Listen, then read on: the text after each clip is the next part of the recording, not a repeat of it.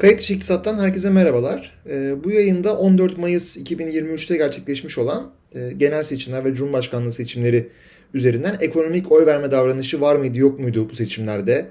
Varsa devam, nasıl devam ediyor yoksa neden yoktu? Çünkü bununla ilgili hakikaten olmadığına yönelik veya Türkiye'de ekonomik oy verme davranışının kaybolduğuna yönelik iddialar var. Biraz bunlar üzerinde konuşmak istiyorum. Şimdi öncelikle ekonomik oy verme davranışı nedir diye soracak olursanız eğer ekonomik oy verme davranışı seçmenlerin demokratik ülkelerde tabii seçmenlerin oy verirken e, seçimlerde e, birinci sahiplerinin ekonomik koşullar olduğu iddiası. Tabii ekonomik koşullar da hayli aslında flu bir kavram. Yani ekonomik koşullar hangi ekonomik koşullar? Enflasyon mu, işsizlik mi, büyüme mi diyeceksiniz. Genellikle büyümeye bakılıyor. Verisi en çok ve en uzun serili, en uzun süreli olduğu için e, ekonomik büyüme dönemlerinde yani büyümenin görece yüksek olduğu dönemlerde e, iktidar partisinin bundan olumlu faydalandığı, iktidarda olan parti veya partilerin bundan olumlu olarak e, bunu, bunların ona olumlu yansıdığı. Eğer ekonomik durgunluk varsa, daralma varsa ise ekonomik koşulların zorlaştığı dönemlerde de iktidar partisinin, iktidardaki partilerin bundan daha olumsuz etkilendiğine yönelik bir e, argüman ekonomik oy verme davranışı. Bu, bu siyaset bilimi literatüründe, ampirik siyaset bilimi literatüründe özellikle işte ekonometrik analizde kullanılarak e, çok sayıda ülke için gö gösterilmiş. Hatta yani Amerika Birleşik Devletleri için e, George Washington dönemine kadar giden e, işte gayri safi yurt içi hasıla e, projeksiyonlarını kullanarak e, çünkü o zamanlar gayri safi yurt içi hasıla verisi toplanmıyordu ama 1800'lerde 1700'lerde e, yine de bunu gösteren çalışmalar mevcut. Farklı pek çok ülke için bakan çalışmalar da mevcut. Türkiye için de bu yapılıyor. E, işte genelde ekonomik analizde de işsizlik, enflasyon, büyüme genellikle kullanılır. Son zamanlarda tüketici güven endeksinin de aslında e, yol gösterici olabileceği veya en azından e, bir şeyler söyleyebildiği iktidar partisinin e, oy oranı ile ilgili söyleniyor. E, şimdi geldiğimizde bu seçime geldiğimizde de genelde en çok söylenen şeylerden bir tanesi işte hem sosyal medyada okudum hem gazetelerde okudum. Kişilerin işte yine bilim insanlarının veya gazetecilerin e, siyasetçilerin de aslında sözlerine yansımış vaziyette. Ekonomik oy verme davranışı Türkiye'de kayboldu ve kaybolduğunun da işte e, ispatı olarak da bu seçim sonuçları gösteriliyor. Bakın yine e, her ne kadar ekonomik koşullar oldukça kötü seyretse de e, iktidar partisi seçimden birinci çıktı. İşte iktidar partisinin içinde yer aldığı ittifak birinci çıktı. Çoğunluğu sağladı. E, Cumhurbaşkanı Erdoğan da e, ekonomik politikaların başında kendisi var.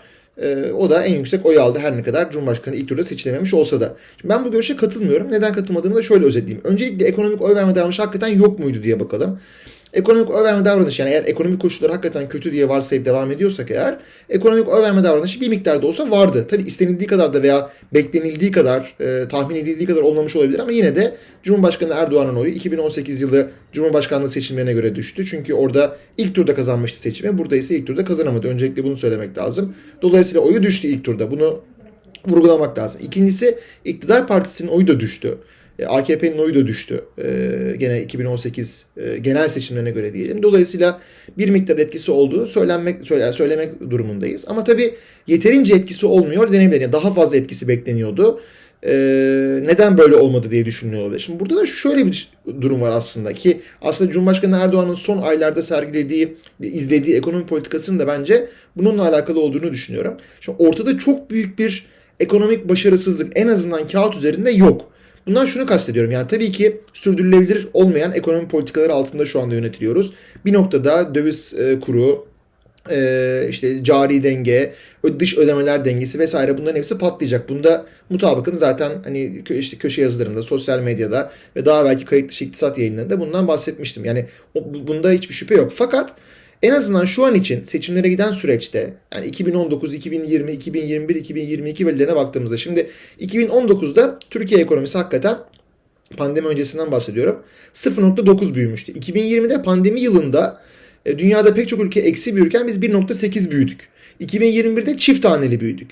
2022'de yine uzun dönem ortalamasına yakın bir büyüme sergiledik. Dolayısıyla ortada hani mesela 1994'te e, işte 2001'de ee, veya farklı kriz yıllarında olduğu gibi işte Türkiye ekonomisinin küçüldüğü veya sıfıra yakın büyüdüğü bir dönemde değiliz. Yani 2022 büyümesi bile %5 civarı geldi. Dolayısıyla e, bu da uzun dönemli ortalamasının bir, bir tık üzerinde, çok üzerinde değil ama bir tık üzerinde. Dolayısıyla yani ortada aslında tırnak içerisinde bir ekonomik kriz yok. Yani mesela Amerika'da işte ekonomik kriz arka arkaya iki çeyrek sıfır veya negatif büyüdüğünüz zaman e, durgunluk sinyali veriyor National Bureau of Economic Research. Böyle bir şey söz konusu değil Türkiye'de en azından. Dolayısıyla e, ekonomik oy verme davranışı diye bakacaksak eğer yani ekonomik daralma döneminde değiliz. O yüzden iktidar partisi için çok olumsuz bir seyir özlemlenemeyebilir. Bunu söylemek gerekiyor. Ha enflasyon yüksek mi? Yüksek. E, hatta epeyce bir yükseldi. E, bu alım gücünü düşürüyor mu? Düşürüyor ama işte yine en azından rapor edilen, TÜİK tarafından rapor edilen enflasyona göre işte memurlara, işçilere, çeşitli toplum kesimlerine e, onların üzerinde dediğim gibi rapor edilen enflasyona göre konuşuyorum. Üzerinde bir e, zam ama maaş artışı da yapıldı. Dolayısıyla aslında yine tırnak içerisinde iktidar için alım gücünün düşünmediğini savunmak da mümkün. Ee, yani tabii bunlar dediğim gibi sürdürülebilir değil. Daha yüksek bir enflasyon bizi sonbaharda bekliyor olacak büyük ihtimalle. İşte ciddi bir ödemeler dengesi krizi, ciddi bir döviz kuru krizi, belki bankacılık krizi vesaire bunlar bizi bekliyor olacak. Bunların hepsine mutabıkım ama ekonomik oy verme davranışı yoktur demek için gerekli olan ekonomik kriz göstergeleri de yani ekonomik kriz göstergeleri de sadece enflasyonun yüksek olması demek değil. Büyümenin de sıfıra yakın olması hatta negatif olması demek. Bunlar yok. İşsizlik keza yine rapor edilen işsizlik %10'un e, bir tık altına düşmüş vaziyette. Yani e, hani tamam Türkiye'de zaten uzunca süredir yüksek seyrediyordu ama hani onda da ciddi bir artış en azından oransal olarak söz konusu değil. E, dolayısıyla ekonomik kriz var ve bu krize rağmen iktidar partisi nasıl hala oyları düşmüyor Dolayısıyla ekonomik oy verme davranışı Türkiye'de kalmadı demenin doğru olmadığını düşünüyorum. Çünkü e, gene bu ekonomik oy verme davranışının işte öncülediği, var, varsaydığı ekonomik kriz ortamının olmadığı kanaatindeyim Türkiye'de. E, yani aslında bu da bilinçli yani tabii ki bu işte bir kredi şişirmesiyle, e, rasyonel olmayan bir para politikasıyla e, bir, bir şekilde yani seçimlere yönelik bir genişlemeci bir e, maliye politikasıyla, e, genişlemeci bir para politikasıyla özür dilerim e, sağlandı. Ama amaç da buydu zaten. Yani seçim öncesinde hani ben Nastır vesaire bunun ötesinde iktidarın veya işte ekonomide politika yapıcının seçim öncesinde frene basmayarak aksine tam tersine bir tırnak içerisinde e, para politikasında gaza basarak e, rasyonel bir şekilde olmasa da e, irrasyonel bir şekilde de olsa gaza basarak e, bunu sağladığını düşünüyorum. Aslında dolayısıyla ekonomik oy verme davranışı o açıdan belki de var bile diyebiliriz. Çünkü e, yani politika yapıcının gözünde neden gaza bastı politika yapıcı? Neden faizleri düşük tutmaya çalışıyor? Neden enflasyon pahasına da olsa büyümeyi öncülemeye çalışıyor? İşte ekonomik oy verme davranışı aslında olduğu için, olmadığı için değil diye düşünüyorum. Özetle görüşlerim bu şekilde. Ee, beni dinlediğiniz için teşekkür ediyorum. Hepinize iyi günler diliyorum.